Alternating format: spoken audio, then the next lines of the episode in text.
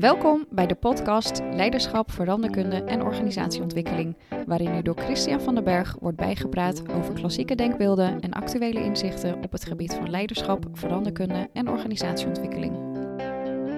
Als je nadenkt over leiderschap en veranderkunde en organisatieontwikkeling, wat ik natuurlijk doe bij het maken van deze podcast, dan is een van de vragen die je jezelf ook uh, te stellen hebt als je zelf leider bent in een organisatie of staat voor een organisatieverandering of een ontwikkeling.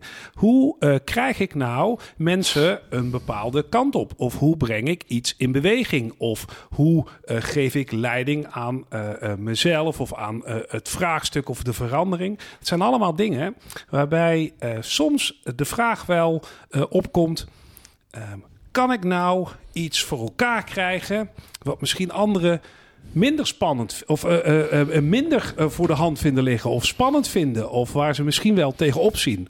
Um, en dan is het vraagstuk die invloed inzetten, mag dat ook met machtsmiddelen. En macht is een lastig vraagstuk in Nederland. En vandaar dat ik uh, ongelooflijk blij ben dat ik uh, jou hier te gast heb, Arjan, Arjan van Lid. Um, welkom, ten eerste. Dankjewel. Um, en ik zal jou heel even introduceren voor, voor de luisteraars. Want jij bent al 34 jaar consultant, uh, gespecialiseerd in de selectie en ontwikkeling en coaching van managers op eindverantwoordelijk niveau en net te laag daaronder, hè, zoals je dat zo mooi zei. En je hebt een aantal, vind ik, hele boeiende, uh, leuke artikelen geschreven over macht. Um, dus vandaar dat ik, uh, ik kende jou al uh, uh, uit een andere setting en ik zat die dingen te lezen. Dacht ik, oh, maar dit is leuk om, om samen dit gesprek eens te voeren. Juist omdat um, macht in Nederland soms zo, ja, mensen krijgen al snel jeuk als je, als je het daarover gaat hebben. en dat is volgens mij niet altijd nodig. Dus vandaar dat, nou, ik dat eens even met jou wil afpellen. Herken jij dat, dat beeld? Jazeker, het is, uh, laten we zeggen, iedere keer als het begrip macht in een gesprek, of het nou een assessment is of, een coaching of, of, gewoon een verkennend gesprek met, met, een, met een manager of iemand anders. Op het moment dat het woord macht valt, dan zie je onmiddellijk dat er een soort weerstand ontstaat van waar heb je, daar moeten we het eigenlijk niet over hebben. We willen in Nederland uh, hebben we sowieso een spannende relatie met het woord macht. Ja. Dat is voor een deel cultureel bepaald. Hè. Hofstede heeft ooit gezegd dat uh, de afstand tot de macht in Nederland heel klein is. Dus ja. we, uh, bazen die zich als bovenbaas willen gedragen, hebben al snel het respect verloren. Ja. En dat komt ook in de assessments vaak naar voren. Mensen die een hele lage score op het begrip macht hebben. Als je doorvraagt, dan blijken die ook heel vaak een ja, een hele spannende relatie, zoals ik net zei, te hebben met mensen die macht willen uitoefenen. En dat kan natuurlijk heel lastig zijn, want macht in is in principe een neutraal begrip. Mm -hmm. uh, je, hebt, je kunt er te weinig hebben, dan krijg je niks voor elkaar. Mm -hmm. Je kunt er te veel hebben, dan, dan kan het terecht vaak ook het beeld ontstaan dat, je je macht gebruikt om je eigen belang te dienen. Maar hoe gebruik je het, hoe doseer je het nu in de juiste hoeveelheid, zodat de macht dingen echt in beweging krijgt? Want ik bedoel, als ik echt een manager, een gemeentesecretaris of een bestuurder vraag van hoe krijg jij dingen in beweging, vertelt hij me meestal dat hij uh, gewoon richting aangeeft, kaders aangeeft. Uh, ja. En, en mensen daar ook, uh, laten we zeggen, ja, in, in, in, ook in stuurt. Ja. Bijstuurt. Ja. Nou ja, en, en terwijl op het moment dat je dat vertelt, hè, je ziet mij ook reageren zo van ja, eigenlijk heel logisch. En toch op het moment dat je dat soort dingen gaat vertalen naar machtstermen, dan, nou ja, dan, dat roept weinig enthousiasme op, vaak bij mensen zelf, zoals ja. jij al zei. Maar uh, op het moment dat uh, medewerkers of collega's of nou, omringenden, zal ik het maar mm. even noemen, uh, zien dat uh, iemand dat doet. Naar wie zal ik het versturen? Siri bemoeit er zich ook mee. um, nee, maar als, als mensen zien uh, uh, dat dat gebeurt, dan levert dat eigenlijk gelijk eerder weerstand dan, dan applaus of, of instemming. Ja, op. absoluut. En, en, en dan is de kunst natuurlijk om mensen mee te nemen in, ja, maar je hebt je hebt een positie en iedereen heeft macht. Hè? Mhm. Dus dat, en, eh, iedereen macht, hè, als je dat omschrijft als de, de mogelijkheid om het leven van andere mensen te beïnvloeden, Ja. te sturen. Ja. Nou, dat kan heel klein zijn. Als jij vanavond thuis eh, beslist dat jij de vaatwasser uitneemt, eh, uitruimt, dan heb je eh, thuis even je machtspositie ingenomen. Met een doel waarschijnlijk. Hè, bedoel, maar eh, het is soms heel klein Mhm. en soms heel groot. Mhm. En, en, daar, en het besef eh, dat, som, eh, dat, eh, dat je ook met kleine dingen heel goed kunt sturen. Mensen denken gelijk bij macht aan grootse en meeslepende, eh, ja, laten we zeggen, mensen in de houding zetten en afmarcheren en, en eh, vooral hiërarchisch. Ja. Ja. Ik bedoel, hoe meer sterren en strepen, hoe meer macht. Eh, Mhm. eh, maar zo zit het niet altijd in elkaar. Uiteindelijk is er wel een eindverantwoordelijke eh, nou, van male alpha of female alpha. Mhm. Frans de Waal heeft daar weer recent hele interessante dingen over geschreven. Ja. Maar het gaat er dus om, om, om op het juiste moment even te roepen van... jongens, hier zijn we voor op aarde. Hè? Dus ik zeg altijd, je bent in de lead. Zorg Mhm. ook dat je gezien wordt als in de lead. Mhm. Vervolgens moet je mensen gaan helpen om, om, eh, om te snappen waar jij heen wil. Mhm. En, je, en mensen die in de weerstand schieten, moet je uitdagen om te vertellen waarom ze in de weerstand schieten. Maar uiteindelijk moet je iedere keer weer terug van eh, waarom, waartoe zijn wij hier op aarde? Ja. Ik bedoel, eh, en dat, dat, dat spel met macht, ja, dan hebben we het vaak over invloed. Natuurlijk hebben we invloed, maar soms moet je ook gewoon niet te beroerd zijn om te zeggen van, nou jongens, dit is de streep in het zand. En Ja. eh, iedereen gehoord hebbende, ik hak nu een knoop door. Ja. In de praktijk zie je dat veel gebeuren, maar op het moment dat je dat koppelt aan een begrip macht, dan begint iedereen een beetje ongemakkelijk te worden, terwijl ze het in de praktijk eh, regelmatig doen. Nou, maar wat ik, wat ik echt leuk vind, wat je daarin bij mij triggert, is dat ik eigenlijk beide reflexen ook in mezelf wel eh, voel op het moment dat ik, hè, dat ik zelf in een positie zit dat het van me verwacht wordt. hè. Mhm. Eh, vroeger gewoon in een lijnfunctie, tegenwoordig dan vooral in interim. Ehm, is dat ik ehm, eh, zo af en toe ook echt denk van ja, weet je, maar ik ben hiervoor verantwoordelijk. Ik word hier hè, geacht om iets te doen. Dus ja, ik trek de streep maar in, in het zand. En dan, nou, durf ik dat ook best, aan en gaat dat helemaal prima. Terwijl ik ook altijd een beetje dat ongemak voel, omdat ik eigenlijk ook wel meer geloof in, nou ja, wat dan wat meer heet dienend of situationeel leiderschap of zo. Hè? En dan veel meer proberen met nou ja, mensen op een andere manier, eh, dus eigenlijk meer met invloedsmiddelen dan met machtsmiddelen, dingen voor elkaar te krijgen. En wat ik dus, wat mij dus bekruipt, is dat ik toen ik begon eh, in de voorbereiding op het gesprek met jou ook dacht van waar zit nou dat dat dat wat dat wij in Nederland dat macht zo'n lastig woord vinden. Ehm, het is inderdaad een neutraal woord en het mag zo af en toe ook verwacht worden. En ik, nou, het stoort me soms ook wel eens dat wij er zo'n aversie tegen hebben in dit land. Hè, dat die machtsafstand maar zo klein moet zijn. Eh, Ja, wat is dat nou? Terwijl ik er aan de andere kant ik ga niet als een olifant door de, de, door de porseleinkast of porseleinwinkel. Ik moet dat spreekwoord, vergeet ik steeds. Ehm, want dat voelt toch ook niet, eh, niet goed? Nee, maar in dat verband is het, eh, is het interessant dat jij net ook het begrip situationeel leiderschap eh, noemt. Hè? Ja. Kijk, situationeel leiderschap, je kent het, hè? dat zijn de vier stappen. Die beginnen bij directief en eindigen bij delegerend. En in die laatste fase is het ook zo dat jij als eh, leider, als manager, eh, laten we zeggen, op, basis van een aantal afspraken met een medewerker of eh, zegt van nou oké, dit, eh, ik heb er vertrouwen in, hè, komt het begrip vertrouwen, dat jij alles in huis hebt om het te kunnen. Mhm. Ik heb het vertrouwen in dat wij heel goed hebben afgesproken wat dat kunnen moet gaan opleveren. Mhm. We hebben ook vertrouwen in dat, eh, dat jij het gaat doen. ja. Dus zolang ik niks hoor, gaat het goed. ja. En als je dan bij mij komt omdat er iets veranderd is, dan gaan we het er weer over hebben. Maar op het moment dat ik bij jou moet komen om te vertellen dat, dat, dat, eh, dat je het toch niet helemaal goed begrepen hebt, dan hebben we een probleem, want dan heb ik jou overschat. Mhm.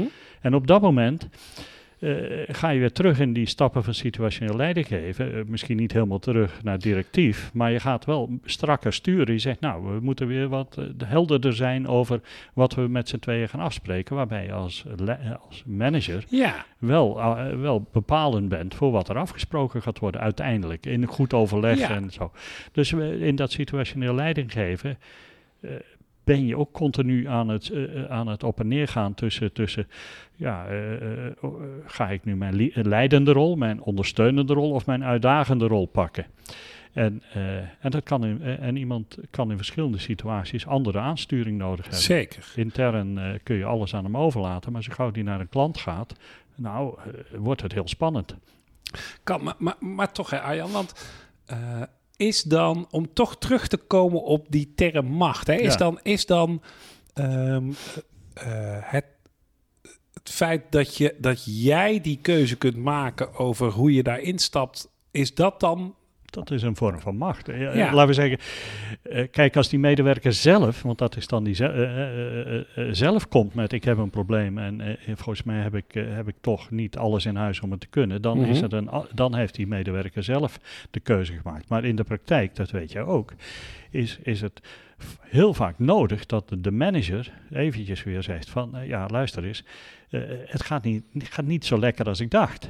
Hè, of, of het tegen een individu of het team. En Ja. de beslissing om in te grijpen Ja, is, is, is, dat is, toe- is precies. Ja, Nee, als ik beslis, nou, ik, ik ben geen manager, ik ben consultant. eh, heel lang besloten dat, ik, Ja. dat ik ook geen manager ben.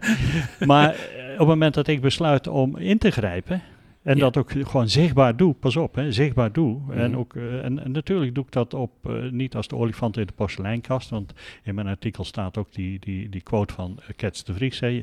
Een, van de belangrijkste eigenschappen van leiders is dat ze de emotionele toestand van hun mensen kunnen onderkennen en er duiding aan kunnen geven, er iets mee doen. Maar de Mhm. tweede, die Kets de Vries er bijna onmiddellijk achteraan plakt, de taak van de manager is ook om mensen te helpen om de realiteit onder ogen te, la- Ja. te zien. ja. Dus dat betekent ook als ik denk, ja, luister, we hadden die afspraken gemaakt over, nou ja, laten we even de voetbalmetafoor nemen, hoe jij eh, op het spel, eh, hoe jij je ja? vooraan, achteraan, midden, daar hebben we afspraken over gemaakt. Ik zie jou heel andere dingen te do- eh, doen. Dan, dan is het mijn beslissing als manager, als coach of whatever, om in te grijpen. ja. Als ik het niet doe, heb ik Nee. moet ik daar een reden voor hebben. En als ik daar geen reden heb, voor heb en ik doe het niet, dan ben ik als, als, als leider geen knip voor de neus waard. Ja, maar en dat brengt mij, wat, eh, dat is wel mooi, dat brengt mij wel op de gedachte. Is misschien het feit dat wij dat in Nederland zo lastig vinden, maakt dat misschien ook wel dat eh, eh, eh, sommige veranderingen, ook in de maatschappij op dit moment, gewoon echt wel lastiger aanvaard worden, omdat wij het zo vervelend vinden dat er iemand is die zegt: Ik trek hier nu een streep. Hè. En da- da- daar kun je het natuurlijk wel mee oneens zijn. Mhm. Ehm, maar ja, zo af en toe. ehm, ik, ik zit bijvoorbeeld. Eh, er- ik weet niet eens op welke zender het is, maar dat gaat over. Ik weet ook niet precies hoe het programma heet, maar dat gaat over handhavers en wetsovertreders. En dan Mhm. zie je daar. Ik kijk het niet wekelijks hoor, maar eh, eh, soms van die boa's, hè, mensen die toch door onze maatschappij ingehuurd zijn om, nou ja, de overlast die anderen veroorzaken aan te pakken. Hm. Nou, dan staat daar een meneer hinderlijk op de stoep geparkeerd met een grote bus, waardoor andere mensen daar niet langs kunnen. Hè? Eh, eh, moeders of vaders met een kinderwagen of mensen in een rolstoel of nou, ja, wat dan ook. Hè? Kleine kinderen die opeens over een gevaarlijke straat moeten. Die wordt erop aangesproken. En als je dan ziet wat er gebeurt. Ja. Ik weet niet of het programma wel eens ziet, Nee, maar het nee. is... Nou, ik kan het echt mensen aanraden. Omdat je ook echt denkt, ja, oké... die boa's doen het niet altijd even handig. Hè? Ik bedoel, dat kan. Ehm, Hm. Maar de, de, vraag is of dat ertoe doet. Want staat daar gewoon een meneer met een bus dat gewoon echt niet kan. En die reageren dan op een, op een manier dat ik denk, nou... Ja. Ehm, en Ja. terwijl, terwijl daar toch, toch gewoon op een echt op een eh, ja, er is eigenlijk de afspraak is toch dat deze boa gewoon te zorgen heeft Ja, dat, dat, de is- rode lijn eh, Ja. in acht wordt genomen. Ja, en, en dat is op zich het lastige. Natuurlijk, hè, ik bedoel, eh, er- er- dat zie je bij BOA's, dat zie je bij heel veel mensen. eh, het verschil tussen gelijk hebben en gelijk krijgen wordt soms enorm verpest door de manier waarop je het zegt. Eh, dat zien we- dat zien fair we- enough. Dat zien we dus ook. eh, ik, ik hoor wel eens verhalen, ook vooral in mijn coachingstrajecten, maar ook in, in, in de assessments. Want dan wil ik met real-life cases werken van wat is er vorige week gebeurd en, en waarom was er en, en hoe ging je erin, hoe kwam je eruit. Ja, En als ik dan het echt afpel van hoe ze gecommuniceerd hebben, dan, dan zit ik ook wel eens te kijken. Ja, luister, als je nou je doelstelling was geweest om iedereen op de kast te krijgen en, en de, maximale, de maximale weerstand eh, eh, eh, te creëren, dan, dan ben je daar heel goed in geslaagd. zeker. Ik heb ook mensen nog steeds. Ik doe, En eh, dan bellen ze me op hè, en dan zeg je, ja, ik heb nu toch een, een dilemma. En dan zeg ik, nou vertel eens, hoe ga je het aanvliegen? Mhm. Nou, het gebeurt me al te vaak dat ik, dat ik zeg, ja, als je, eh, dat, is, dat, is, dat is eh, een ideale volgorde van dingen doen Mhm. om, om, om te zorgen dat je niet komt waar je wil wezen. Zeker. Dus eh, de, de, de, en dat heeft er ook weer met die, eh, nou ja, laten we zeggen, goed inschatten van hoe zit mijn context in elkaar? Wat is de juiste toon en timing? En dat is ook weer zo'n begrip, eh, zo'n factor rondom macht. Hè? Alsof macht iets is. eh, waarbij je met een aantal standaard commando's, hè, eh, toen eh, de, de mensen in de houding krijgt, afmarcheert, harder en zachter laat lopen. Ik bedoel, to- het, eh, toen ik vroeger in, eh, in, eh, regelmatig in het groene pak rondliep, heb ik, wist ik dat allemaal. En dan liep ik GF8 en dan stonden er 100 man in de houding. Mhm. Maar zo werkt het natuurlijk niet. Ik bedoel, kijk, en, de, de, dus als je macht koppelt aan dat soort standaard commando's om standaard gedrag in een met een standaard resultaat, ja, dan ben je ook al, dan, dan ben je inderdaad bezig om dat begrip macht een hele negatieve connotatie te geven. Ja. Ja. Maar als je goed uitlegt, hè, wat ook eh, eh, van, luister eens, op deze manier, we hebben met z'n allen een algemeen belang, een overkoepelend belang te dienen. Mhm. Dat is onze, onze doel. Wij zijn hè, als gemeente, als woningcoöperatie of whatever. Wij zijn ervoor, hè, woningcoöperatie, om de mensen met, eh, die, eh, laten we zeggen, die niet naar de bank kunnen stappen, om die van fatsoenlijke huisvesting te voorzien. Dat Ja. is een hele, bela- hele belangrijke, maar ook, nou, dat kunnen we op verschillende manieren doen. Daarvoor zijn we er. Mhm. En dat doen we op deze manier. En we, we kunnen er altijd eh, over praten of het beter kan. Maar uiteindelijk is dat wel het doel. Ja. En dan ben je ook bezig. Hè? En dan, dan, ga je, en, eh, dan ga je verdiepen in de context. Met welke voor, mensen, voor welke mensen doe ik het, met welke mensen doe ik het. En dan ben je als manager. En dat is dus leiderschap. Ja. Ben je verantwoordelijk dat je op de juiste momenten ingrijpt. Om te zorgen dat die al overkoepelende, dat overkoepelende belang wordt gediend. En een van de belangrijkste dingen om effectief in te, begrijpen, in te grijpen is dat je een verbindend verhaal, een verbindend narratief hebt. Hè? Dus dat je niet eh, met een verhaal komt als er dingen misgaan, maar dat je aan de voorkant met een verhaal komt van, eh, eh, ja, eh, zeg maar even Sinek of eh Wouter Hart, eh, why Ja, en de ja. bedoeling. Ja, ja, zeker. En als dat ontbreekt, en je komt dan tot de conclusie dat mensen eh, dingen doen waarvan je denkt, ja, dat was niet de bedoeling, Ja. ja. dan heb je het aan jezelf te danken. Ja, en dan, dan eh, eh, maar dat projecteer ik even. Hè, wat, wat ik denk dat dan het gevolg is, is dat mensen dan op de verkeerde manier machtsmiddelen gaan inzetten. Hè? Dus, dus even wat, kijk of ik jou goed hoor. Wat ik, wat ik nu, wat ik jou hoor zeggen is van joh, die macht op zichzelf is niet eh, vies of verkeerd. Alleen, je hebt hem wel ook. Je hebt ook met die macht komt ook een verantwoordelijkheid om dat in de juiste context, op het juiste moment, met de juiste middelen te doen. Ja, exact. En dat En, rekening houdend met hoe zitten mijn mensen emotioneel op dat moment in de wedstrijd. Bedoel, Ja. Op het moment dat, eh, dat ja, laten we zeggen, in een, in een fusie, dan, dan weet je gewoon dat het voor die mensen enorm spannend is. En op het moment dat je dan als een technocraat eh, gaat uitleggen de blauwdruk van de fusie en waarom dat het allemaal zo, zo belangrijk is en waarom, eh, ja, dan mis je de boot. Maar als ik hem nou toch weer eens even klein maak naar die meneer die ver- verkeerd parkeert op de stoep, hè? Ja. Ehm, dan natuurlijk kun je dan eh, de, de handhaver, hè, die heeft wat te doen volgens mij. Want dat Ja. leg jij volgens mij uit. Hè? Ik bedoel, Ja. die heeft ook nou, eh, eh, te kiezen in, in wat voor toon kies ik. heeft misschien nog een verhaal uit te leggen, dat snap ik allemaal. Ehm, maar als zo'n meneer dan toch een beetje zich bokkig blijft gedragen, zich niet schikt naar de regels, dan komt er toch ook een moment dat je volgens mij in die, in die middelen die je als machtsmiddelen hebt, escaleren moet. Of Ja, zie ik absoluut. dat verkeerd? Nee, dat is ook zo. En dat is ook. eh, en, en dat escalatiemoment, hè, want eh, je Ja. hebt het op een gegeven moment. Nou, in dat voorbeeld van jou. Die meneer Ja. die heeft er misschien om, om, om dat hij nodig moest plassen of zo, eh, weet ik veel. Eh, dus dan, was het, ja. eh, dan noem je het een, nou, een uitglijder, een vergissing.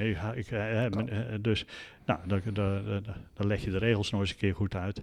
Maar op het moment dat hij echt uit, helemaal uit zijn dak gaat en, en in feite een vijandige houding aanneemt, dan is het een, eh, ja, eigenlijk een, een, in het Engels heet dat zo mooi een violation of, of een bestaande regel. En, eh, en als hij zich dan ook niet realiseert wat, wat het effect is van, eh, die, van, van, van ja, zeggen, niet respecteren van die regel, dan, is dat dus, dan, zit je dan zit je op het hoogste escalatieniveau en dat is consequentiemanagement. Mhm. Ja. En consequentiemanagement in jouw voorbeeld betekent gewoon een, een prent, een boek. Ja, iets van die aard. Ja, bedoel, je laat ook niet gelijk de, de, de- nou soms. Je hoeft de Oh, M1 niet gelijk te laten komen ah, voor die man. Maar nou, eh, in, in, in, in, in, laten we zeggen, in sommige gevallen laat je wel een sleepauto komen. Ja. Eh, Ik bedoel, als het echt, eh, als je de, de ingang van het ziekenhuis blokkeert, dan moet je, de- moet je anders reageren dan wanneer hij, ja, laten we zeggen, eh, eh, een stukje Ja, stoep. En, maar wat ik er ook wel interessant aan vind, bij mij, hè, en ik, we gaan nu wel heel erg even op dit voorbeeldje in. En er is natuurlijk meer, hè, ook in, want, want wat ik denk dat dit voorbeeld ook wel te extrapoleren is naar eh, organisatieveranderingen of zo. Hè, waar mensen eh, ehm, eh, gewoon ook wel eens hun boekje te buiten gaan. In die zin, kijk, bij, bij, bij dit soort voorbeelden zie ik daar een volwassen man die overduidelijk een verkeersregel overtreedt, aangesproken worden door een wetshandhaver en hij gaat echt als een idioot tekeer. Dat ik denk van ja, je kunt hem wegslepen, maar eigenlijk zou voor mij daar ook nog wel een sanctie op dat gedrag passen. Ook omdat eh, eh, de mannen en vrouwen van de handhaving in dit geval ehm, eigenlijk ook wel meer respect verdienen dan ze op dat moment krijgen. Dus in die zin wordt de, ehm, nou ja, hè, dus er, is een, er zijn een paar voorwaarden, namelijk die handhavers die hebben wat te doen, of een, een, een leider in een organisatie heeft wat te doen over de context. Nou, hè, hebben we het allemaal over gehad, kunnen we mensen terugluisteren. Maar als het allemaal ook gewoon go- goed genoeg gedaan is, dan nou, kan er daarna ook nog wel eens gedrag ontstaan waarvan je echt denkt, ja, nou hier past eh, nou, in die spiraal waar jij het over had misschien nog wel meer. Hoe Ja, kijk jij daarnaar dan? Nou, kijk, eh, gewoon juridisch gezien heb je vaak niet zoveel meer. Hè. Ik bedoel, eh, zolang er geen klappen vallen, zal ik maar zeggen. Ja, je kunt hooguit zeggen, als er echt... eh, ja, je kunt op een gegeven moment wel iemand veroordelen omdat hij zich onheus, onheus heeft uitgelaten richting een gezagsdrager. Bijvoorbeeld, Dat ja. kan. Maar ik denk dat het, dat het laten we zeggen, even aanhakend over, over Ja. veranderingen. Eh, Krijg je dit gedrag natuurlijk ook. Hè? Ik bedoel, mensen, Ja, eh, precies. mensen blijven, hè, blijven in het oude model zitten. Blij- laat, hè, ze mochten hun auto altijd parkeren, maar nu is het, eh, de, de layout is anders, dus het mag niet meer. Bijvoorbeeld. Eh, en kijk, in een verandertraject is het eh, ook weer belangrijk eh, eh, aan de voorkant. Ik zei al, als dat een technocratisch verhaal in de vorm van een blauwdruk is en we gooien alles bij elkaar en daardoor gaan we 20% kostenreductie. Wat vervolgens voor sommige mensen het idee is van, nou, welke, wanneer is mijn baan aan de orde? Ja, ja. Ja, dus dan, maar reële angst, de- de- daar ga ik ook niet aan Absoluut, voorbij. Hè? Daar ga ik ook niet Nee, aan maar- voorbij. Maar, maar als je dat niet onderkent, hè, Nee. dat, je, dat je dus met, met, door de feiten te, hè, want de feiten we zijn de feiten tot op Ja. grote hoogte. Als je niet, hè, en dan kom ik terug bij kwetsende als je niet realiseert wat dat in emotionele zin, in, in termen van angst, betekent voor de mensen die, die dat allemaal te horen krijgen, Mhm. dan is de kans groot als je daar, eh, eh, dat je, dat je eh, in het hele proces, in het hele veranderproces, heel veel onnodig, heel veel weerstand creëert. En Mhm. als je dan de reflex die ik regelmatig zie, is dan die weerstand proberen te, ja, te elimineren met, met betere argumenten. Mhm. Eh, die allemaal in die, die feitelijke technocratische. Dus als je dan in, in, het- in het opnieuw eh nog eens een keer uitleggen, de empathie volledig eh buiten, buitenspel zet. Dan krijg je dus dat, dat, dat jij, ik zeg altijd, dan ligt er een issue, hè, reorganisatie of fusie. En jij geeft daar argumenten boord, die kunnen op zich kloppen. Niks mis mee. Maar Nee. die anderen hebben andere argumenten die met hun belang te maken hebben. En jij zegt, nou maak je geen zorgen, er komt een sociaal plan. Ja, maar hoela, iedereen weet wel, eh, uiteindelijk, eh, eh, de, in Nederland is, is, is dat inmiddels ook niet meer zo luxe geregeld dat je nergens zorgen over hoeft te maken. Nee, nee. Dus dan krijg je dus dat, er, dat iedereen is bezig met rationele. En eh, dus de organisatie, de manager is bezig om rationele argumenten eh, te stapelen. En, en de medewerkers zijn bezig om emotionele argumenten te stapelen. En die stapelen ze op elkaar. Mooi. En dan heb je binnen no time, heb je dus tussen, de, tussen het management en de mensen die, eh, ja, laten we zeggen, waar het om gaat, heb je een muur van argumenten gestapeld. Ja. En de kunst is om, om eventjes drie passen achteruit te zetten en te zeggen, ja, maar wat is nou de relatie tussen mij en die mensen? En dan moet je de empathie en de emotie erbij halen. Ja. En dan kan het nog steeds zijn dat, dat het plan om te reorganiseren, te fuseren, dat blijft op tafel. Ja. Alleen, eh, jouw technocratische verhaal komt misschien in een iets ander perspectief als je daar ook een Ja. eh, verbindend narratief aan koppelt. Ja, nou wat, wat, wat ik echt wel mooi vind, eh, wat ik jou hoor zeggen, is van joh, weet je, die, die macht, die is er. En die is ook niet, die is er toch wel. Hè? Of, wij hem nou, of wij hem nou fijn vinden in Nederland of niet, hij is er toch wel. Ja. Maar hij komt wel met een verantwoordelijkheid. Dat is Absoluut. eigenlijk ja. wat ik jou hoor Ja, zeggen. Hij komt met de verantwoordelijkheid. Jij hebt door je positie macht over een bepaalde situatie. Daar hoort de verantwoordelijkheid bij dat je, dat je dus goed kijkt, goed bewust bent van eh, de anderen. Ehm, en ehm, daar hoort uiteindelijk ook bij dat je eh, eh, binnen die context een soort van standvastigheid ook wel hebt over wat je te doen hebt. Hè? Dat, dat hoor ik jou ook wel zeggen. Je hebt ook een verantwoordelijkheid niet alleen naar degene die misschien iets moet doen wat je niet zo leuk vindt, maar je doet het wel met een hoger doel of een Ja. grotere groep in gedachten. Ja. En daar heb je ook een verantwoordelijkheid naar. Nou ja, je moet beginnen, en dat is ook heel duidelijk, eh, de overgang van waar macht, de overgang waar macht eh, eh, ja, vertrouwen oplevert naar waar macht machteloosheid oplevert, Ja, die wordt bepaald door, door het, eh, laten we zeggen, de geloofwaardigheid, dat jij met jouw plan en, en, en natuurlijk ook, hè, je staat open voor eh, input en alles, maar de- dat jij met jouw plan een overkoepelend belang dient. En daar moet Ja. je wel eh, voor zorgen dat dat, dat dat overkoepelend belang ook werkelijk als een overkoepelend belang wordt gezien. Hè. Ik bedoel, eh, de woningcoöperatie heeft het misschien makkelijk, maar die moeten dat overkoepelend belang kunnen koppelen aan, aan, aan laten we zeggen, huisvesting voor, voor mensen met een, met een smalle beurs. ja. En, en ja, laten we zeggen, tegenwoordig ook allerlei andere doelgroepen. En, en dat is het overkoepelend belang. Daarvoor zijn ze. ja. En op het moment Ja. dat je dat, eh, ja, op het moment dat je vindt dat statushouders en, en, en, en dergelijke helemaal geen huis verdienen, eh, dan, heb, dan heb je natuurlijk eh, niks bij een woningcoöperatie te zoeken. Nee. Ook dat mag ook wel eens een keer duidelijk gezegd worden. Nou, maar ik vind dat heel mooi. Hè. Je doet me. Ik, ik zit, terwijl jij dit zit te vertellen, zit ik na te denken aan een. eh, een nou, het was geen echt coachingstraject, maar ik werd wel een paar keer erbij gevraagd om wat te sparren, zoals je dat zelf ook wel eens mooi noemt. Ehm, en dat ging ook over een, een, een organisatie die een wat milieubewustere variant wilde toepassen. Ik hou het bewust even vaag, want anders dan wordt het wel, wordt het wel heel erg duidelijk waar het misschien over gaat. Maar een organisatie die een wat mi- milieubewustere eh, variant wilde van hun vervoersprobleem. En medewerkers, die hadden daar gewoon echt moeite mee. Die hadden zoiets van, ja, weet je, we gaan dat gewoon niet doen. En ik heb toen met die, eh, met die leidinggevende ook zitten sparren. Ik zeg van, joh, volgens mij hebben jullie een paar dingen te doen. Dit is precies wat jij denk ik vertelt. Gewoon je vertelt waarom je op aarde bent en waarom jij ook vindt dat deze milieuvriendelijke variant echt wel hoort bij jullie bedrijf. Ja. Ehm, en, aan de, en ook aangeven dat er, dat er verschillende varianten mogelijk zijn. Want die waren er ook, behalve bij het oude blijven. En dat je zegt van, joh, maar eh, het is ook aan jullie medewerkers om mee te denken. We gaan dit anders doen. We gaan een paar van deze varianten. Eén van die varianten wordt het. Jullie mogen en mee kiezen. En ook de problemen die daar mogelijk bij ontstaan. Daar mag je ook van aangeven wat je weer. ehm, eh, eh, wat je nodig hebt om dat te laten werken. Wat niet kan, is dat we de oude situatie laten ontstaan. En daarmee vond ik het eigenlijk, nu, nu ik jou zo hoor, eigenlijk een hele mooie balans in macht.